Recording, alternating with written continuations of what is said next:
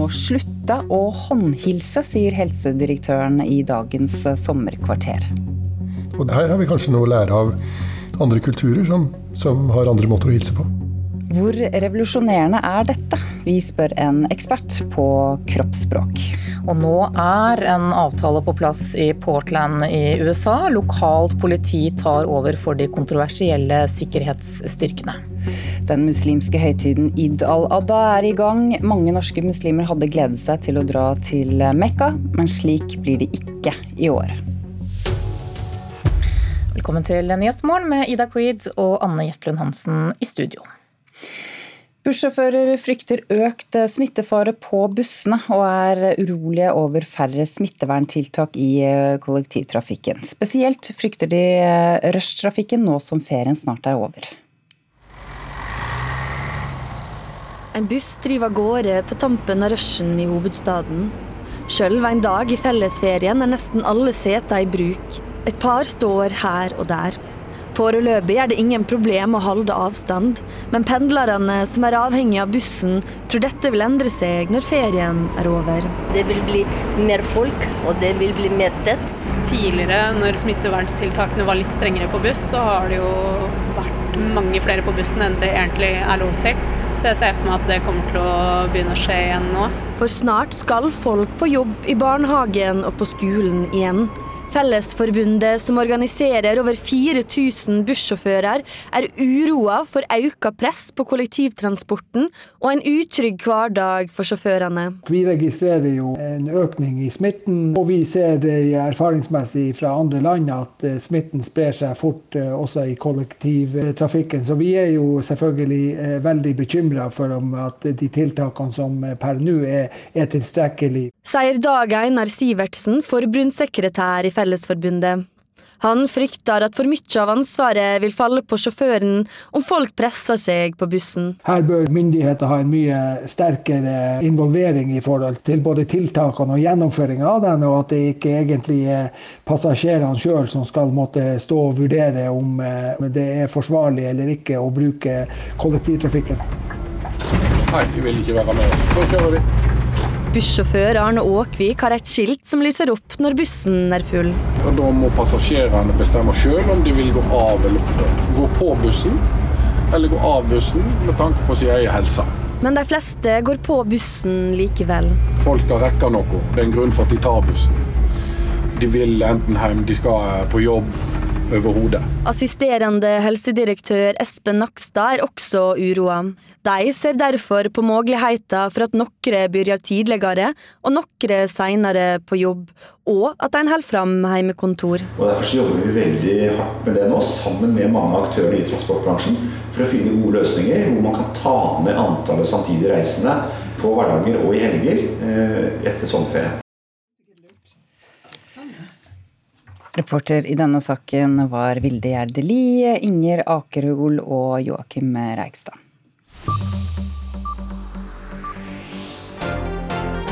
Dette har skjedd i natt.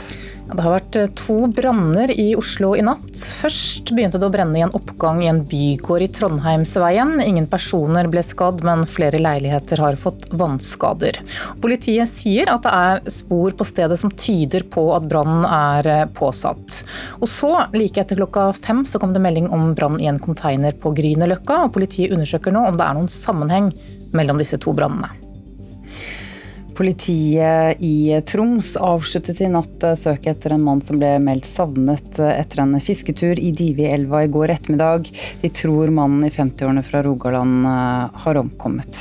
Både fly fra flyklubben, droner, båter, helikoptre, hunder fra norske redningshunder og mannskapet fra Røde Kors og Norsk Folkehjelp har vært med i søket, men etter tolv timer ga de opp å finne mannen. Ytterligere 36 personer har fått påvist koronasmitte i Norge det siste døgnet. Det viser foreløpige tall fra Folkehelseinstituttet som ble publisert i natt. Totalt så er det nå registrert 9208 tilfeller av koronasmitte i Norge. De siste dagene så er det registrert 58 nye smittetilfeller. Dette får du vite mer om hvis du følger med på NRK Nyheter utover dagen. I Afghanistan har Taliban varslet en tre dager lang våpenhvile under feiringen av den muslimske høytiden Id al-Adha. Høytiden markerer bl.a. slutten på muslimenes pilegrimsreise til byen Mekka. En talsmann for president Ashraf Ghani sier regjeringen har gitt alle afghanske sikkerhetsstyrker pålegg om å overholde denne våpenhvilen under id-feiringen. Her hjemme holder regjeringen pressekonferanse om koronasituasjonen i dag. Den kan du følge her i NRK fra klokken tolv. Både helse- og omsorgsminister Bent Høie, helsedirektør Bjørn Gullvåg og avdelingsdirektør Line Wold ved Folkehelseinstituttet er til stede der. Bør vi finne nye måter å hilse på hverandre på enn å ta hverandre i hånda, også på sikt? I mars fikk vi beskjed om å slutte å håndhilse for å hindre smittespredning. Og nå mener helsedirektør Bjørn Gullvåg at vi bør la være å, å håndhilse også i fremtiden. Han mener Norge bør se til andre kulturer. I noen situasjoner så har det vært veldig viktig å håndhilse på veldig mange. Altså at Vi har liksom tenkt at det er måten å bli kjent på. Det sier helsedirektør Bjørn Gullvåg til NRK i dagens sommerkvarter. Han peker på håndhilsing som en av tingene som kanskje bør endres som følge av koronapandemien. Jeg har vært i mange møter hvor jeg har tatt mange mange mennesker i hånda, sett dem i øynene og tenkt at det har en verdi. Og så har vi da i etterkant av det, kanskje uten å vaske hendene, så har vi gått til buffeen og bidratt til at smitte spres. Nå har vi fått øynene opp for at det må gjøres annerledes. Gullvåg mener vi bør tenke gjennom om vi fremover skal opprettholde håndhilsing som den eneste måten å bli godt kjent med nye mennesker på. Det er kanskje andre måter enn et ærlig håndtrykk som eh, også gjør at man kan eh, bli godt kjent. Og her har vi kanskje noe å lære av andre kulturer som, som har andre måter å hilse på. Reporter her, det var Camilla Heier Wang. Kommunikasjonsdirektør, eh, eller kommunikasjonsrådgiver, forfatter og kursleder Live Bressendorf Linseth, velkommen. Takk for det. Du har eh, dette som eh, felt. Hva har pandemien gjort med kroppsspråket vårt? Den har jo fått oss til å bli mer oppmerksom på hverandre når det gjelder ansiktsuttrykk. Vi får jo på en måte ikke lov å hilse ta hverandre i hendene sånn som vi pleier. Ikke klemme godt, sånn som vi også liker å gjøre og pleier å gjøre. Og det har jo betydd at eh, vi må ty til andre virkemidler, og da blir det å se hverandre inn i øynene, smile til hverandre osv. ganske viktig, da. Men jeg husker i begynnelsen, når eh, etter 12. mars, da ble jo alle veldig redde og nærmest gikk inn i seg selv, hadde følelsene. Og trakk seg litt sånn tilbake og så ned og lukket eh, for omverdenen. Um, så da så de ikke så mye på hverandre og smilte ikke så mye heller. Uh, men jeg tror folk savnet den kontakten. Og så endret de seg etter hvert. For mange så er det, som du sier, utfordrende å, å, hilse på hverandre når vi ikke kan ta på hverandre. Hvorfor er det rart? Det er rart fordi at vi mentalt er programmert til å skulle ha fysisk kontakt. Eh, vi har det jo som en del av oss. Vi er sosiale vesener, i likhet med andre pattedyr, faktisk. Eh, det betyr noe for oss å ha den fysiske kontakten. Vi blir kjent med hverandre på en litt annen måte. F.eks. når vi tar hverandre i hånden. ikke sant? Er det et bløtt håndtrykk, hardt håndtrykk, fuktig, tørt? Altså Det er veldig mye det lille håndtrykket som varer en, bare en kort stund. Men det gir oss noe, forteller oss noe om hvordan vi kanskje skal forholde oss til den personen vi snakker med, og i det hele tatt. Vi trenger den informasjonen. Pluss at det gir oss en opplevelse av nærhet. Eh, kan også gi oss en opplevelse av å være inkludert. At vi faktisk har noe sammen. Sånn at eh, selv om håndtrykket varer en kort stund, så betyr det ganske mye for oss. Når helsedirektøren da eh, sier at vi må slutte å håndhilse og klemme, jeg tror han mener på lang, lang sikt. Hvor revolusjonerende er det egentlig? Det er veldig revolusjonerende, og jeg tror egentlig helt umulig eh, å få til. Han refererte, hørte jeg, til andre kulturer, men de fleste kulturer har jo en eller annen form for fysisk kontakt. Riktignok er det slik i enkelte land at menn ikke hilser på kvinner, men det har en helt annen årsak, og har ikke noe med hygiene å gjøre. Og jeg tenker at eh, hvis vi skal eh, ha et samfunn der vi ikke kan eh, ta på hverandre, ikke kan eh, håndhilse, da blir det et ganske kaldt eh, samfunn. Så jeg tenker at eh, hvis man er redd for smittespredning, så får man jo heller ha med seg litt antibac i lommen. Da. Og han snakket om at når han hadde hilst på folk, og så gikk han inn og forsynte seg. Vel, veldig ofte så er det jo sånn at folk pleier å vaske hendene før de går og spiser. Det er jo sånn man lærer allerede i barnehagen. Så akkurat der så jeg ikke helt problemet. Så du tror ikke at vi kommer til å være forsiktigere med å, å hilse og klemme når årene går? Nei, jeg tror ikke det. fordi hvis vi sammenligner med spanskesyken, eh, som jo tok eh, hva var det, 150 millioner liv, langt mer enn denne pandemien har gjort til nå i hvert fall. Eh, så var det jo slik at når den eh, ebbet ut eh, sommeren 1919, så gikk jo folk over til å håndhilse og klemme og ha den nærheten som de var vant til. Og det er jeg ganske sikker på at vi kommer til å gjøre nå. For det er liksom en viktig del av oss. Takk, Live Bressendorf Linseth. Takk skal du ha.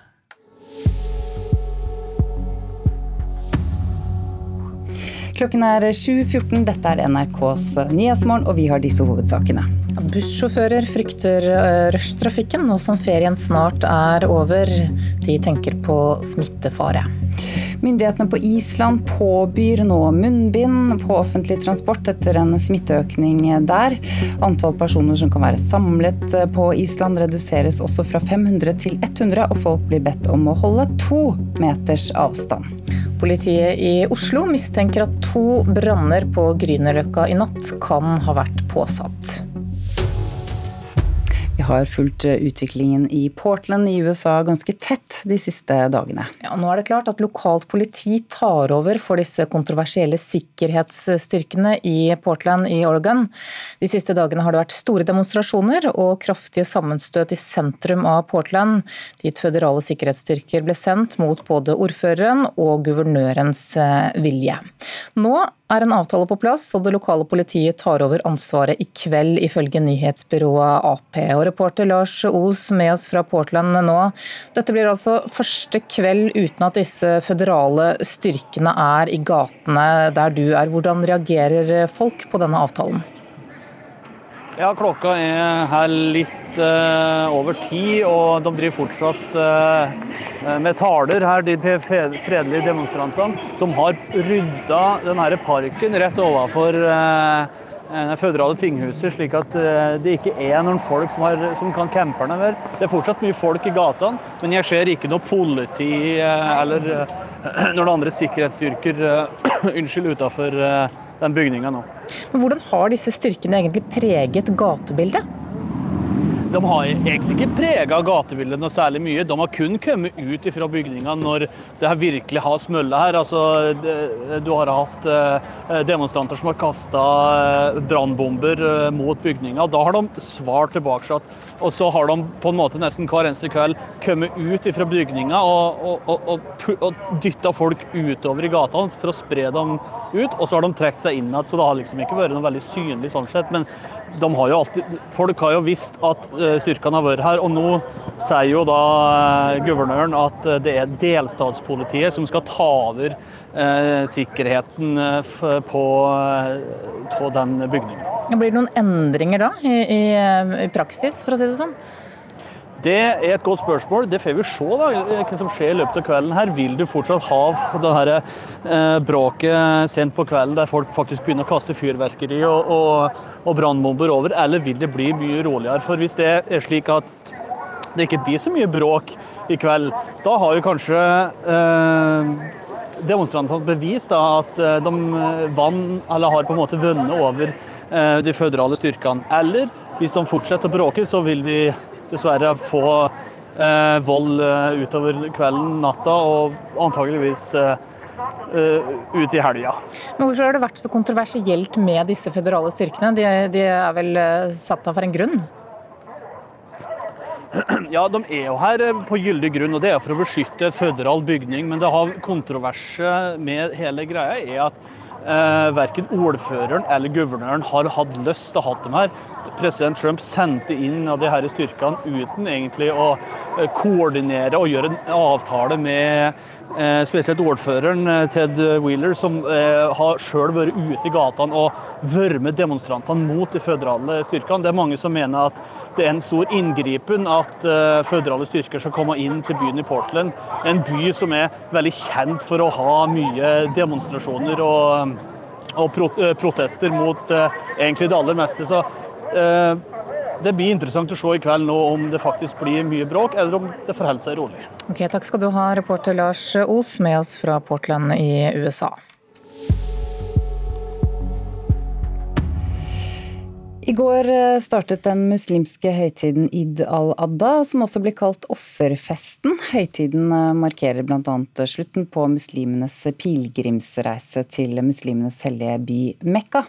Pga. koronakrisen så har myndighetene i Saudi-Arabia pålagt strenge restriksjoner i år. Vanligvis så reiser jo om lag to millioner pilegrimer til Mekka hvert år. I år så er det satt et tak på 10 000. Og leder for Islamsk råd i Norge, Abdirahman Dirje, god morgen. God morgen. Du, hvordan foregår denne pilegrimsreisen til Mekka vanligvis? Vanligvis så reiser jo nordmenn da, for oss herfra eh, med fly gjerne en uke før. Og gjør seg klar da, der nede. Og så har jo da egne forberedelser der på hvordan man skal håndtere de forskjellige eh, pliktene da, innenfor, eh, innenfor pilegrimen. I år så har jo ingen reist fra Norge, eh, som du var inne på, og ikke fra andre land heller. Det er kun da folk som bor i Saudi-Arabia, og veldig få av dem som får feire. Mm. Hvem er det som vanligvis drar på pilegrimsreise til Mekka? Det er egentlig alle muslimer. Eh, det er jo en av islams fem søyler. Eh, og muslimer flest er pålagt å utføre hajj én gang i livet, så lenge helsa og økonomien tillater det. Mm. Fortell hva som foregår under hajj. Under hajj så reiser jo da folk herfra, kommer ned til Saudi-Arabia, og mennene har jo på seg da eh, Kvinner kan ha på seg vanlig, vanlig bekledning, mens menn normalt kun har på seg to tørklær eller, laken uten noe undertøy eller noe. Og alle har da de samme. Sånn at alle sammen, uavhengig av hvor rik man er, eller hvor man kommer fra, eller eh, hvor hierarkiet i, man er i, i systemet, så, så, ser alle like ut. Eh, og Så drar man da ut til Timina utenfor Mekka og, og, bor der i tre dager. Og så er det den store dagen da som var i går, hvor man da drar til Arafat-fjellet og er der eh, store deler av dagen. Og dagen etter, som det blir i dag, i selve i-dagen, så drar da eh, disse folka nedover til selve moskeen i, i Makka, eh, Mesjid al-Haram, som den heter, den store, og utfører da plikter. Og det er jo mm, en fire plikter da man skal utføre. Eh, det ene er jo å gå rundt i Kaaba, den store seinen. Det andre er å eh, ofre et dyr. Det tredje er jo da å klippe eller barbere hodet. Eh, og så kan da man begynne å gå eh, og kle seg normalt, da. Eh, med vanlige klær og, og, finne på det vanlige man kan gjøre. Ta på seg parfyme. Ja, det man vanligvis får lov til å gjøre. da, mm. Og som man har begrensa ifra i den perioden. Og Hvor mange er det som vanligvis drar fra Norge? Jeg har ikke eksakt tall på det, men det siste jeg har hørt er at det er oppimot 400-500 personer årlig. En av dem som ikke ikke får reist i år eh, til Mekka, det er eh, Irfan eh, Mushtag. Du var i Al-Noor-moskeen i Bærum under terrorangrepet i fjor, og hadde altså planlagt å reise på pilegrimsreise nå. Hvordan hadde du forberedt deg? Du, jeg, En viktig forberedelse er jo en psykisk forberedelse. Det er en reise du gjennomfører for Det er en sjelereise. Og For meg så er det en reise for å få en bekreftelse på Guds eksistens, alle mirakler, og en bekreftelse på at eh, Gud eksisterer i også en hverdag, i en hektisk hverdag hvor du lett glemmer Guds eksistens. Hvordan skal eh, en slik eh, pilegrimsreise gjennomføres? Nå har jo Abdirahman vært litt innom de praktiske tingene. Da. Det er en del praktiske ting som skal gjennomføres, men for den sjelereisen så har jo alt dette en betydning. Eh, den første betydningen, og det som er kanskje det aller viktigste, er jo den intensjonen på hvorfor du har tenkt å gjennomføre. Det er jo den bekreftelse i forhold til at det fins én Gud, og ingen er hans like. Det er en erkjennelse i forhold til at det finnes en skaper. Og så er det en erkjennelse også i forhold til å forstå at den reisen hajj den er ikke bare knyttet til Mohammed, som veldig mange forbinder islam med. Det er en reise som går tilbake til Abrahams tid. Hva tenkte du da du skjønte at du ikke ville kunne få dratt i år? Hajj er jo et såpass stort uh, event. Uh, og det er jo prikken over i-en av alle de fem søylene. Og når man har begynt å gjøre alle de forberedelsene og er klar til å gjennomføre den reisen og ikke kan gjennomføre, uh, så blir jo man selvfølgelig lei seg. Man har gjort forberedelser i forhold til å lese historier, gjøre seg bedre kjent med religion, troen. Men så er jo islam også en veldig praktisk religion. Eh, nå er det jo en epidemi som har kommet ut. Og i islam så er det slik at eh, er det epidemi, så har vi også et ansvar for å forebygge. Og hvis det å ikke reise er en del av forebyggingen, så er det et tiltak som jeg er med på å gjennomføre. Så hva skal du gjøre isteden? Det vi kommer til å gjøre i dag, er jo selvfølgelig id-feiring. Eh, jeg har brukt tida til å snakke mye med familien om hajj. Eh, spesielt også knyttet til dette med Al-Noor-moskeen og angrepet. Det har vært et samtaleemne i vår familie. At det er jo et år siden angrepet skjedde. Så i dag er det jo id. Så det vi skal gjøre, er å samle hos eh, min mor og feire menneskeheten. For det trenger vi gjøre. Leder for eh, Islamsk råd Norge, Abdirahman eh, Dirje. PST har jo vurdert at denne id-feiringen kan være et mulig terrormål for høyreekstreme. Hvordan forholder dere dere til den trusselen? Det er jo selvfølgelig ubehagelig å måtte forholde seg til en slik trussel. Eh, vi har informert moskeene, vi har informert muslimer generelt om å være litt føre var og ta de Eh, sikkerhetstiltakene som er viktige. Moskeene vil jo ikke være i nærheten av like mange mennesker som til vanlig. Pga. korona igjen, så er det veldig mange som utfører dette hjemme. Så de, de moskeene som, som har åpna for å utføre id-bønn, har da satt ekstra sikkerhetstiltak. I tillegg så har politiet sagt at de vil være til stede synlig i de aller fleste moskeene. Mm.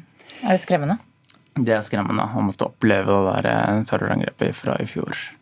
Irfan eh, Mustag, hvis du fortsatt er med oss, eh, eh, kommer du til å reise til Mekka neste år, i neste, år isteden? Nå er jo Jeg har jo veldig lyst. og så håper jeg at, at det, er, det, åpner seg for å ta imot pilegrimer neste år. Og så håper jeg at jeg klarer å få tak i en kvote for å komme ned. For det i seg selv er jo også en utfordring per dags dato for oss norske muslimer. Ja, Abdirahman Diri, hvordan skal du feire id? Jeg skal feire med familien. Eh, vi har en samling litt senere i dag hvor eh, vi også har vært nødt til å korte ned på antall mennesker.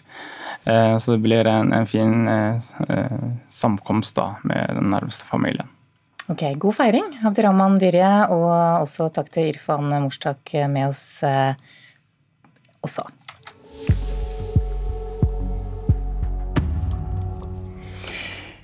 Klokken ti i dag kommer Nav med nye tall på arbeidsløsheten her i Norge. Mange mistet jobbene sine i våres da koronapandemien førte til at landet stengte ned. Over 70 personer har eh, søkt på en liten fast stilling som resepsjonist eh, annenhver helg i Klosterhagen hotell i Bergen. Vikarierende resepsjonssjef Lise Vabø er overveldet over det høye søkertallet. Vi er veldig overrasket og litt ydmyke for at det er så mange som har lyst til å jobbe her hos oss. Men samtidig er det litt skremmende, for det er tross alt en deltidsstilling vi har utlyst, ikke en fulltid. Så, men vi, vi, er veldig veldig glad for søkermengden og gleder oss til å ta fatt på utvelgelsen. Hotellet trodde det skulle komme rundt 20 søkere på deltidsstillinger som fremdeles har ei uke igjen av søknadsfristen. De ansatte peker på koronapandemien som en av årsakene til at det nå er så mange om beinet. Jeg tenker at Det er den, litt av den situasjonen vi er i med korona, og det er ikke alle som har tatt tilbake eventuelt permitterte. I tillegg så er det jo en deltidsstilling, så den er jo ideell for f.eks. studenter som, som, er på jakt etter en helgejobb. Men, men at korona har litt eh, betydning, det, det tror jeg nok. I flere år har Klosterhagen hotell hjulpet folk med å komme seg ut i arbeidslivet. Avdelingsleder Bente Kuven Osland er for tida på ferie, men har følgende tips til de mange hun ikke har arbeidsplass til i denne omgang. Jeg ville kjent godt etter hva kan jeg utover det å yte service. Folk eh, har gjerne litt malt fokus, sant? at dette vil jeg gjøre. Men tenk litt over hva kan du i tillegg til det, og hva kan du tenke deg å tilegne deg av kunnskap for å komme inn i lønnet arbeid igjen. Det sa Bente Kuven Osland, som er avdelingsleder ved Klosterhagen hotell i Bergen. Reporter var Silje Rognsvåg. Klokka nærmer seg 7.30. Tone Nordahl er straks klar med Dagsnytt. I sommerkvarteret i dag så blir det mer om dette med håndhilsing. Det blir det. Eh, det er helsedirektør Bjørn Gullvåg som eh, sier at vi bør rett og slett slutte å håndhilse, og da mener han vel mer eller mindre permanent. Ja, det er en liten revolusjon, eh, sa en ekspert på kroppsspråk som vi hadde her i studio for noen minutter siden. Og så blir det fredagspanel i dag. Og hva skal det handle om der? Skal, det, ja, skal vi røpe det, egentlig? du bestemmer, Anne. Det er du som er sjefen for fredagspanel i dag. Det skal, skal bl.a. handle om disse svart-hvitt-bildene som eh, folk eh, legger ut på, på Instagram nå. Andreas? Jeg er en av de som har gjort det. Jeg bare sier det. Og du innrømmer det? Ja, jeg innrømmer det. Jeg visste at det ville bli bråk. NRK P2.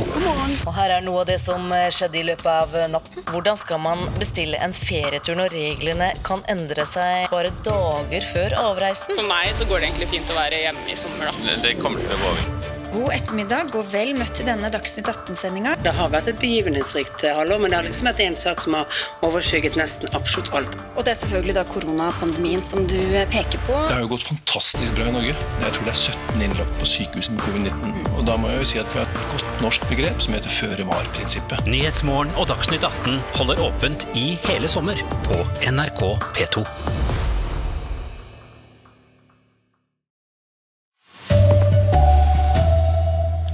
Bussjåfører vil ha strengere smitteverntiltak, frykter for sikkerheten når ferien er over. Tusenvis av nordmenn er i utlandet nå. Myndighetene ber dem ha lav terskel for å teste seg for korona. Og Norge bør ikke innføre en egen skatt for store selskaper som Google og Facebook, mener finansministeren. God morgen, her er NRK Dagsnytt, klokka er 7.30. Av bussjåfører frykter altså økt smittefare på bussene, og de er urolige for hvordan det skal gå når alle er tilbake fra ferie og skal på jobb og skole igjen. Særlig er de bekymret for rushtrafikken. En buss driver av gårde på tampen av rushen i hovedstaden. Sjøl en dag i fellesferien er nesten alle seter i bruk. Foreløpig er det ingen problem å holde avstand, men pendlerne som er avhengig av bussen, tror dette vil endre seg når ferien er over. Det vil bli mer folk, og det vil bli mer tett. Tidligere, når smitteverntiltakene var litt strengere på buss, så har det jo vært mange flere på bussen enn det egentlig er lov til. Så jeg ser for meg at det kommer til å begynne å skje igjen nå. Fellesforbundet, som organiserer over 4000 bussjåfører, er uroa for økt press på kollektivtransporten og en utrygg hverdag for sjåførene. Vi ser det fra andre land at eh, smitten sprer seg fort eh, også i kollektivtrafikken. Så vi er jo selvfølgelig veldig bekymra for om at de tiltakene er tilstrekkelige. Sier Dag Einar Sivertsen, forbundssekretær i Fellesforbundet. Han frykter at for mye av ansvaret vil falle på sjåføren om folk presser seg på bussen. Her bør myndigheter ha en mye sterkere involvering i forhold til både tiltakene og gjennomføringa av dem. Nei, de vil ikke være med. Så kjører vi. Bussjåfør Arne Åkvik har et skilt som lyser opp når bussen er full. Men de fleste går på bussen likevel. Folk rekker rekke noe. Det er en grunn for at de tar bussen. Assisterende helsedirektør Espen Nakstad er også uroa. De ser derfor på muligheten for at noen begynner tidligere og noen senere på jobb.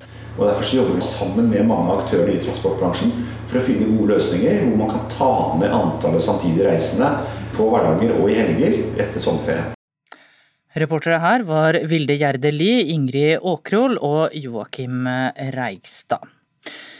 Myndighetene er bekymret for at folk skal la være å teste seg når de kommer hjem fra ferie i utlandet, fordi de har blitt fordømt i kommentarfeltene på sosiale medier. Legevaktsjefen i Bergen håper folk har lav terskel for å teste seg fremover nå. Her ligger alle prøver klar. Du kan se der er laget rekvisisjoner. Ved legevakten i Bergen er det testa rekordmange innbyggere denne veka. Når sommerferien går mot slutten, skal flere tusen ferierende nordmenn tilbake til arbeidsliv og studier. Det er jo ikke noe offisielt krav om at man skal testes når man, når man kommer hjem, men jeg syns det er utrolig viktig at vi har veldig lav terskel for å teste. Fungerende legevaktsjef Anette Korridon i Bergen er bekymra for at den harde medfarten mange turister har fått i kommentarfelt og sosiale medium, gjør at de ikke oppsøker legevakt. Det kan jeg sagtens være bekymret for. Vi så det også i russetiden at det var mange unge som ikke orket alt det på styr med å la seg teste. Øh, det samme folk som har vært i utlandet. Vi skal være greie mot hverandre og heller oppfordre øh, alle til å bli testet hvor det kan være, hvor det kan være relevant. Så det er en slags stigma mot dette med koronasmitte? Smitten dere er redd for? Akkurat. Selv om man kan være uenige i hva folk har gjort osv., at man behandler folk med respekt. Og det er jo veldig viktig at folk som har vært ute og reist, på lik linje med alle andre, tester seg hvis de blir syke. Overlege ved Folkehelseinstituttet, Siri Helene Hauge, deler bekymringa til legevaktsjefen i Bergen. At folk ikke ønsker å, å teste seg fordi de er pinlig berørt over hva de har gjort, eller at de at de ikke har overholdt smittevernregler. Det er jo noe å tenke på fremover. Reporter her var Even Norheim Johansen. Så til USA. Der tar det lokale politiet nå over for de kontroversielle sikkerhetsstyrkene i Portland i Oregon. De siste dagene har det vært store demonstrasjoner i sentrum av byen etter at føderale sikkerhetsstyrker ble sendt dit mot ordførerens og guvernørens vilje. Nå er en avtale på plass, og det lokale politiet skal ta over i kveld, ifølge nyhetsbyrået Ap. Reporter Lars Os, du er med oss fra Portland nå. Hvordan reagerer folk der nå på denne avtalen? Nå står jeg helt oppå gjerdet her og ser utover en drøyt 1000 personer som står her. Du kan høre dem rope 'Black Lives Matter'. Og er betydelig roligere enn det de har sett i tidligere kvelder. Men det er for tidlig å si om det faktisk blir bråk eller ikke. Hvorfor var det så kontroversielt? Hvorfor er folk så sinte fordi disse føderale styrkene rykket inn? Nei, Det er jo en uh, liten kontrovers det at uh, verken ordføreren eller guvernøren hadde lyst og uh, mente sjøl at de ikke trengte hjelp fra myndighetene. Så bestemte Donald Trump seg for at vi sender inn føderale styrker uansett, for de har jo lov til å beskytte føderale bygninger. Men det falt jo veldig dårlig i jord blant de demonstrantene som har vært i Portland i over 60 dager. Så det er det de har vært veldig sint for i lang tid. Så får vi se i kveld nå. Vil de fortsatt bli, være sint på politiet, eller vil de trappe ned av bråket? Ja, Vi følger med på det sammen med deg, Lars Os. Takk skal du ha med oss fra Oregon der. Norge er ikke tjent med å innføre en norsk særskatt for store teknologiselskaper som Google og Facebook, slik bl.a. Frankrike og Storbritannia har gått inn for. Det mener finansminister Jan Tore Sanner. Han vil heller ha felles regler for alle land. Vi vil ikke utelukke å vurdere ensidige norske tiltak, men det er ikke ønskelig å komme i en slik situasjon. Avtroppende skattedirektør Hans Christian Holte mener at koronapandemien og økt motstand fra USA gjør at det er mindre sannsynlig at OECD-landene når målet om en enighet om nye regler for beskatning av de store teknologiselskapene i løpet av året. Selskapene betaler gjerne bare smuler i skatt til Norge, til tross for at noen etter alt å dømme har milliardinntekter. Det ser nå tøffere ut enn det gjorde for noen måneder siden. Flere av de store teknologiselskapene er hjemmehørende i USA. I juni meldte Financial Times at landet hadde trukket seg fra videre samtaler i regi av OECD om en ny digitalskatt. Men Sanner avviser at arbeidet har gått i stå. Vårt mål er fortsatt at vi skal komme til enighet i løpet av året. Det er et feil inntrykk at arbeidet har stoppet opp. Tvert imot så er det fullt trykk i arbeidet med å finne en felles internasjonal løsning. Tidligere finansminister Siv Jensen ser det som naturlig at dagens finansminister snart orienterer Stortinget om hvordan det går med arbeidet. Heller ikke Jensen tror at en norsk særskatt er den beste veien å gå for Norge. Men hun mener at dette her likevel kan bli nødvendig, hvis man ikke ser omrisset av en internasjonal løsning. Amerikanerne vil nok se dette med litt andre øyne enn kanskje de aller fleste andre land. Men jeg tror man må prøve å samle seg om noe som flest mulig kan gå om bord på. Reporter i dette innslaget var Johan B. Settem. Har du sett at folk legger ut sine beste selvportretter i svart-hvitt på sosiale medier om dagen? Bildene legges ut for å støtte kampanjen Women Supporting Women, men den kampanjen er det veldig mange som har misforstått, mener Instagram-profil Kristin Gjelsvik. Jeg begynte å bli tagget i en del eh, meldinger der jeg ble bedt om å delta i denne challengen. Noen av svart-hvitt-selfiene viste alvorlige ansikter, andre viste kvinner som var topp shinet opp og flørtet intenst med kamera. Jeg skjønte jo veldig fort at her er det mange som på en måte ikke har helt forstått hva denne challengen går ut på. Kampanjen handler om drap på tyrkiske kvinner, manglende lovverk og beskyttelse mot vold i hjemmet. De første svart-hvitt-bildene som startet kampanjen, var portretter av unge og gamle tyrkiske kvinner som er drept på brutal måte. Og da tenkte jeg at da er det viktig at jeg bruker eh, min posisjon og min stemme til å, til å opplyse de som kanskje da ikke hadde helt fått med seg eh, budskapet. Kristin Gjelsvik har lagt ut historien om en av de drepte tyrkiske kvinnene på sin Instagram-konto, og oppfordrer folk til å unngå å legge ut perfekte selfier. God, og jeg skjønner jo at disse kvinnene har jo ikke hatt noen onde intensjoner i det hele tatt, men det er jo veldig synd da at, at et viktig budskap eh, overskygges fullstendig av selfies og, eh, og girl power, for det er på en måte ikke det det handler om i dette tilfellet. Sosiolog Arne Krokan på NTNU mener det å støtte noe vi ikke kjenner så godt, er helt vanlig. Vi gjør det også i politikken. Man kjenner kanskje ikke hele bakgrunnen, men, men sånn er det ofte også i politikk. ikke sant? Vi kjenner ikke hele bakgrunnen for et uh, politisk parti, selv om vi sympatiserer med det. For noen så er det kanskje også det å være del av et større sosialt fellesskap.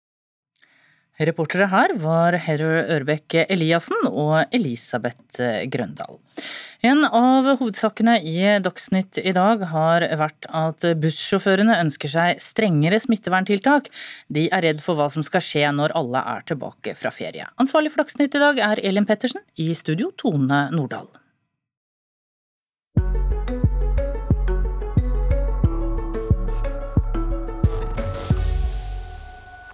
Dette er NRKs Nyhetsmorgen, og spiss ørene nå hvis du er glad i multer. Fordi eh, nå mm, er det sånn at modningen av multene har skutt fart eh, i eh, nord. Men hvis du da skal ut og plukke multer, så må du forte deg. Løp ut denne helgen. Det ser ut til å bli et godt multeår. Ute på vidda mellom Alta og Karasjok bogner det med modne multer på myrene. Og med en oransje firelitersbøtte fylt til randen viser Ann Kristine Baltome dagens hangst. I år så, så, er det jo bra år, så, så hvis man er heldig og går rett på en myr hvor det er masse moden, så kan man jo plukke bortimot 10-20 kilo. Men nå har det vært så man har gått begynt allerede fra starten. Da er det litt og litt som modnes. Så ja, vi har vel plukka 7-8 kilo hver dag. I hvert fall denne uka så bør folk komme seg ut for å plukke hvis de skal ha bær. Og så er det sikkert noe bær som er modne neste uke òg. Men jeg ser jo at det er mange bær som også kommer til å gå til spille, fordi, fordi vi rekker jo ikke å plukke alle bærene vi heller. Balto er tydeligvis en herda sanker. Hun har holdt på med det her siden hun var ei lita jente. Og med så mange års erfaring er hun ekspert. Kart er de her bærene her, som er umodne, og de er harde. Og du ser at de her kronbladene er rundt den. Og vi ser jo hvert år at det er noen som røsker med seg helt med rota. Og da ødelegger de jo for flere sesonger, egentlig. Så de her bærene som ikke er modne, de er harde, rødlige og ikke klare for å plukkes. De må man la være i fred. Så har man de her bærene, som er blitt oransje. Og du ser at denne krona den har sluppet tak. Og de løsner lett når du tar dem. Og du ser at de, når du klemmer på dem, så kommer safta også ut. Og de er saftige og gode. Og det er de bærene man skal plukke. Finnmarksbæra er kjent for å være av den eksklusive sorten. Kokken Jonny Trasti setter multebæra du finner ved kysten i nord, høyt oppe blant det beste man kan spise. Ja, det er vel uh, selvfølgelig en av mine favorittbær på kloden. Det vet alle som, uh, som, kjenner meg, og kvaliteten som vi har i Finnmark er jo helt, helt ekstrem. Og kanskje enda bedre hvis du plukker dem i kystområder. Liksom. Folk kan enda få enda rødere farge og enda høyere, høyere, kvalitet på dem. Så det er et fantastisk produkt med veldig store bruksområder, liksom, som sagt. til dem. Ja. Hva gjør akkurat en finnmarksbæra akkurat til din favoritt? Nei, jeg tror nok at det er 24 timer med lys over lang tid og ikke, helst ikke så veldig høye temperaturer. jeg tror jeg som gjør at det blir en så bra kvalitet. Tilbake på vidda, ikke så langt fra der jeg møtte Balto, finner Harald Simensen, omringa av mygg. Noe som han ikke bryr seg så veldig mye om. Det er jo trivelig å være på fjellet, og så får man jo mat til mygga. det, er jo det beste av alt. Hannes bøtte er ikke like full som Baltos, men han har satt seg et enkelt mål for dagen. Nei, det er, det er bare til, eh, til å ha på brødskiva og så til dessert. Multekrem. Det er det som er, det er, det som er, som er snadden. Og for han som har tråkka myra i 70 år, er det de små tingene som er viktig. Vi har aldri vært sånne som skulle ha mye. Men at vi får smaken og så, og så, og så turen, det er jo, det er jo halvparten av, av, av hele gleden. Det er, jo, det er jo å være på fjellet. Reporter på bærtur var Jonas eh, Løken Estenstad. Dette er hovedsakene i Nyhetsmorgen i dag. Bussjåfører vil ha strengere smitteverntiltak. De frykter for sikkerheten når ferien er over. Tusenvis av nordmenn er i utlandet nå. Myndighetene ber dem ha lav terskel for å teste seg for korona. Og Norge bør ikke innføre en egen skatt for store selskaper som Google og Facebook, mener finansministeren. Nesten over natten ble landets helsetopper rikskjendiser da koronapandemien kom til Norge i mars. En av dem var helsedirektør Bjørn Gullvåg. I dag er han gjest i Politisk sommerkvarter i møte med reporter Camilla Heiervang. Han forteller bl.a. hvordan han reagerte da det ble klart at hele ledelsen i Helsedirektoratet måtte i karantene fordi assisterende helsedirektør var smittet av eh, covid-19.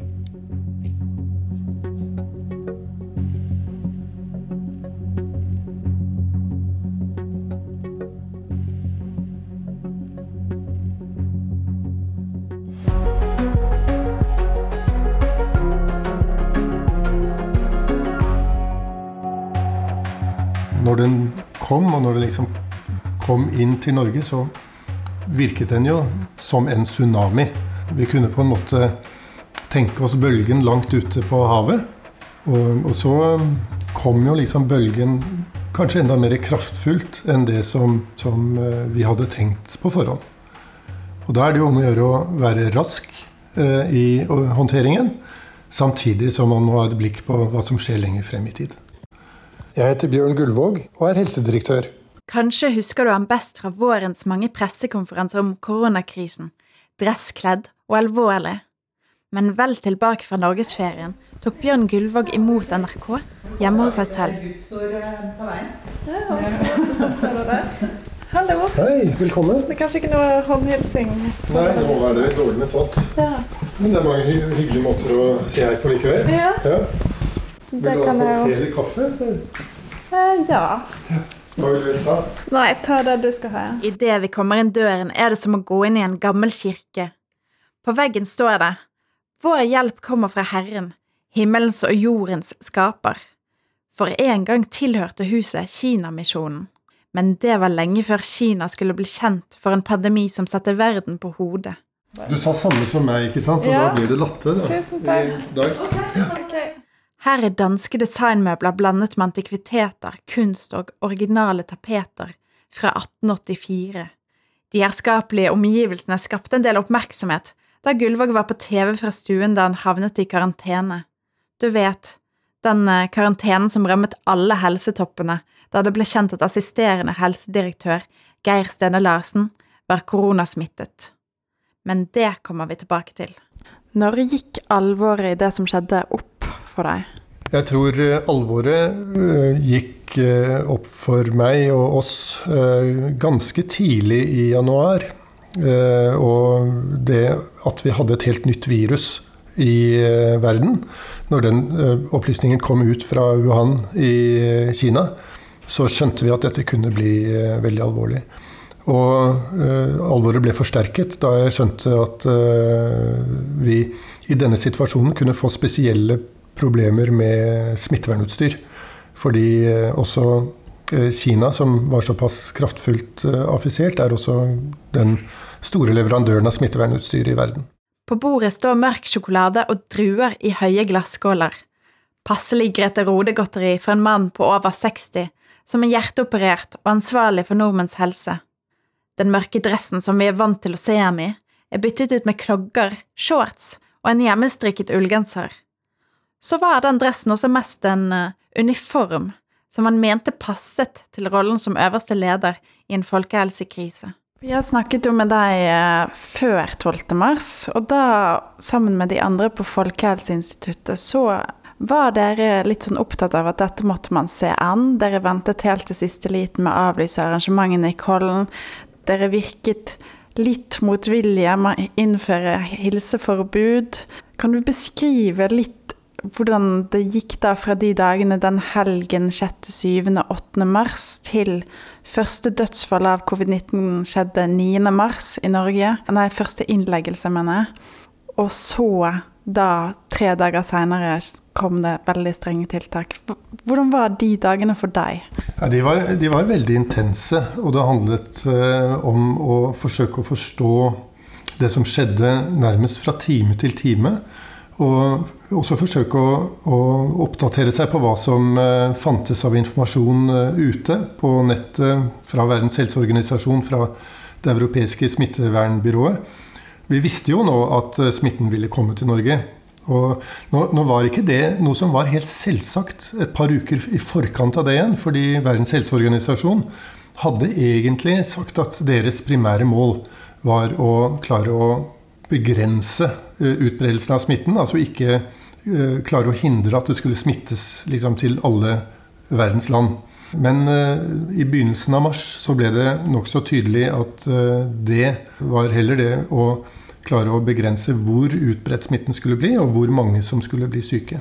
Hvorfor var det så mange som uh, tok feil om hvordan denne pandemien utviklet seg? Både helse, Verdens helseorganisasjon og politikere og helsemyndigheter i en rekke land trodde nok kanskje ikke, som du sier, at det kom til å bli så eh, rask spredning som det ble. Hva kom det av at man liksom ikke så det for seg? Jeg tror det var en veldig usikkerhet eh, om hva dette viruset ville eh, Hvordan det ville oppføre seg. Og mm, det var mye som var usikkert eh, i eh, begynnelsen av mars, og det er fremdeles en del usikkerhet rundt dette viruset. Og, så vi måtte på en måte ta høyde for at uh, det kunne være ganske mange ulike situasjoner som kunne oppstå. Og så legge planer og handle ut ifra det. Men det, jeg tror vi må huske at når, når, det kommer en sånn ny pandemi med et helt nytt uh, virus eller et annet uh, biologisk agens, så er det veldig, veldig mye usikkerhet. Og det forsøkte vi å formidle også. Å si at det er veldig mye vi ikke vet om dette viruset. Og det kan være at det oppfører seg annerledes enn det vi tror. Men uh, vi må gjøre det vi kan for å hindre at vi får uh, veldig alvorlige konsekvenser i Norge. Helsedirektoratet fikk ansvaret for å fatte de beslutningene om de første tiltakene. Fikk Eh, byråkrater som deg selv, eh, du som helsedirektør og andre i toppledelsen på Helsedirektoratet, fikk dere for mye makt de dagene? Nei, jeg mener ikke det. Jeg har vært forberedt på at en slik situasjon kunne oppstå, og det er noe som Helsedirektoratet er veldig klar over. Og en helsedirektør må vite at i en gitt situasjon så sitter man på denne type fullmakter. Men man gjør det jo på vegne av et mye bredere fellesskap, og vi er en del av regjeringens utøvende apparat. Så for meg har det vært viktig også å forankre de beslutningene på en god måte i eh, det politiske miljøet og hos eh, min statsråd, hos helseministeren. Eh, jeg vet at det kommer til å bli en diskusjon om hvordan dette skal håndteres i fremtiden. Men jeg tror det kan være klokt at det er en uh, tung faglig vurdering i en helt innledende fase når vi får en, slikt, uh, en slik pandemi som kommer så raskt. Gullvåg sier at han liker å samarbeide med mennesker som har andre egenskaper enn ham selv, men hjemmet hans tyder på at han er en ganske allsidig fyr. I hagen utenfor ligger det to kajakker og en kano. I stuen henger det et maleri av tremenningen Håkon Gullvåg. På peisen står en akvarell som Bjørn Gullvåg selv har malt av kona Trine, i kajakk, i duse gule og blågrønne toner. Klaveret står inntil en vegg i stuen fra 1800-tallet. Men du, jeg har hørt at du spiller litt piano. Litt piano. Ja, jeg gjør det. Ja, kanskje vi får høre litt etterpå? Nei, det tror jeg ikke. Bare litt. Kanskje vi får høre Espen Nakstad-sangen på piano? Espen Nakstad-sangen hadde vært fin, men den kan jeg nok dessverre ikke. Så, mm. I oppveksten måtte Gullvåg og søsknene gjette hvilken komponist som ble spilt i bakgrunnen under middagen. Etter hvert får vi overtalt ham til å spille, selv om han klager over stive fingre og lite øving. Gullvåg henter frem Patetiksonaten, Beethovens åttende klaversonate, i c-moll. Tempoangivelsen grave er italiensk for tung og alvorlig. Kanskje ikke et helt tilfeldig musikkvalg etter denne våren.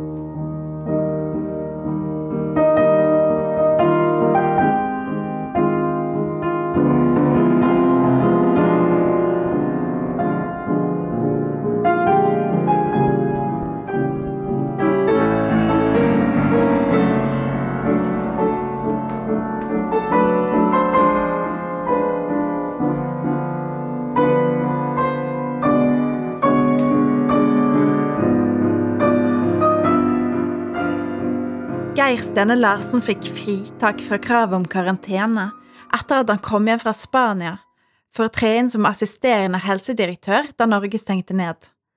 Så viste det seg at han var smittet av koronaviruset. 40 personer ble sendt i karantene, deriblant alle toppene i Helse-Norge. Øyeblikket da det gikk opp for Gullvåg hva konsekvensene av fritaket ble, har brent seg fast.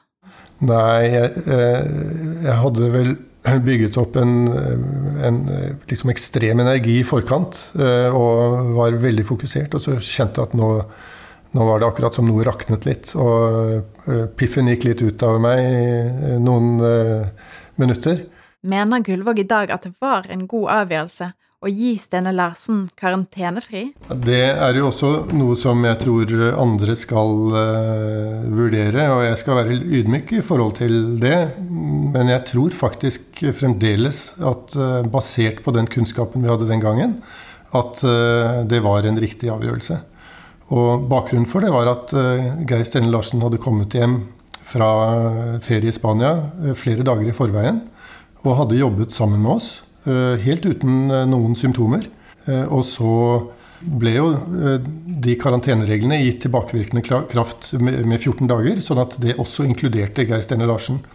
Men han hadde da altså jobbet med oss i flere dager, og det var akkurat på det tidspunktet hvor vi innførte de mest kraftfulle tiltakene i moderne norsk historie. Og hvor Geir Steinar Larsen var en av de virkelig viktige bidragsyterne for å få dette på plass. Men uh, her vil det sikkert uh, være andre som har uh, synspunkter på det. Og jeg skal naturligvis være ydmyk i forhold til det som blir konklusjonen i den diskusjonen som kommer. Da krisen sto på som verst, inntok kona Trine Myhrvold rollen som tradisjonell husmor for å få det til å gå rundt. Hun strøk skjorter, sørget for at han spiste, og dro ham med ut på tur hver kveld. Månedene da Norge stengte, var en påkjenning.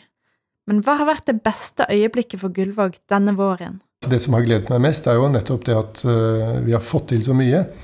Da, og, og, det har vært en så enorm godvilje fra alle parter. Gullvåg løfter frem fylkesmenn, Folkehelseinstituttet, folk flest, spesialisthelsetjenesten, regjeringen og sine egne kolleger i Helsedirektoratet når en skal fordele rosen. Og eh, jeg ble lykkelig da vi fikk så kraftfull støtte da det herjet som verst fra kongehuset. Det syns jeg også var eh, utrolig hyggelig, og det satte medarbeiderne vet jeg, i helsetjenesten og i Folkehelseinstituttet og direktoratet veldig Vi satte veldig stor pris på det. Måtte du lære noen nye hygieneregler med pandemien? Ja, ikke nye hygieneregler, men, men eh, du vet, som, som leder så er en av tingene som man forsøker å få til, det er å bli kjent med folk.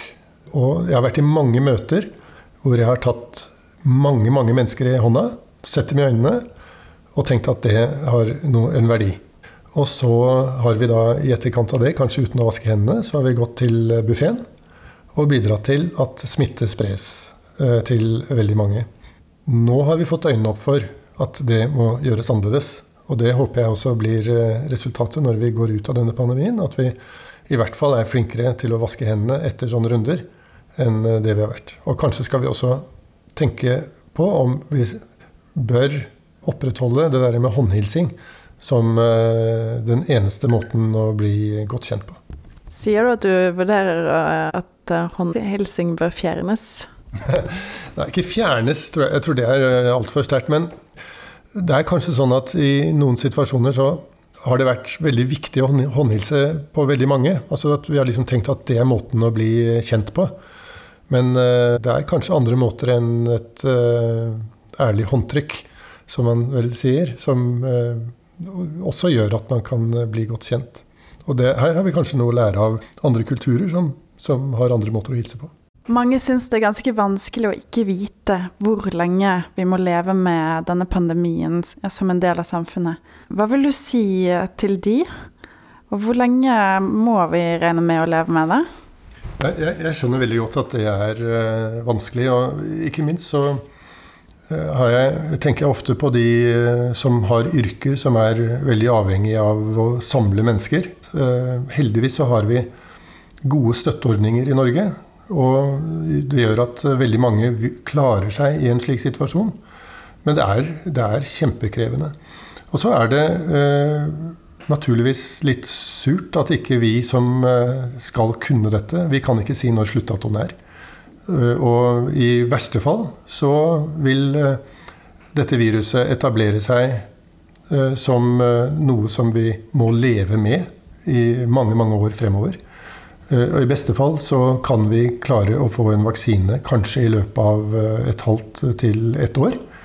Og, eh, og, at vi da i etterkant av det i veldig stor grad kan avvikle mange av disse tiltakene.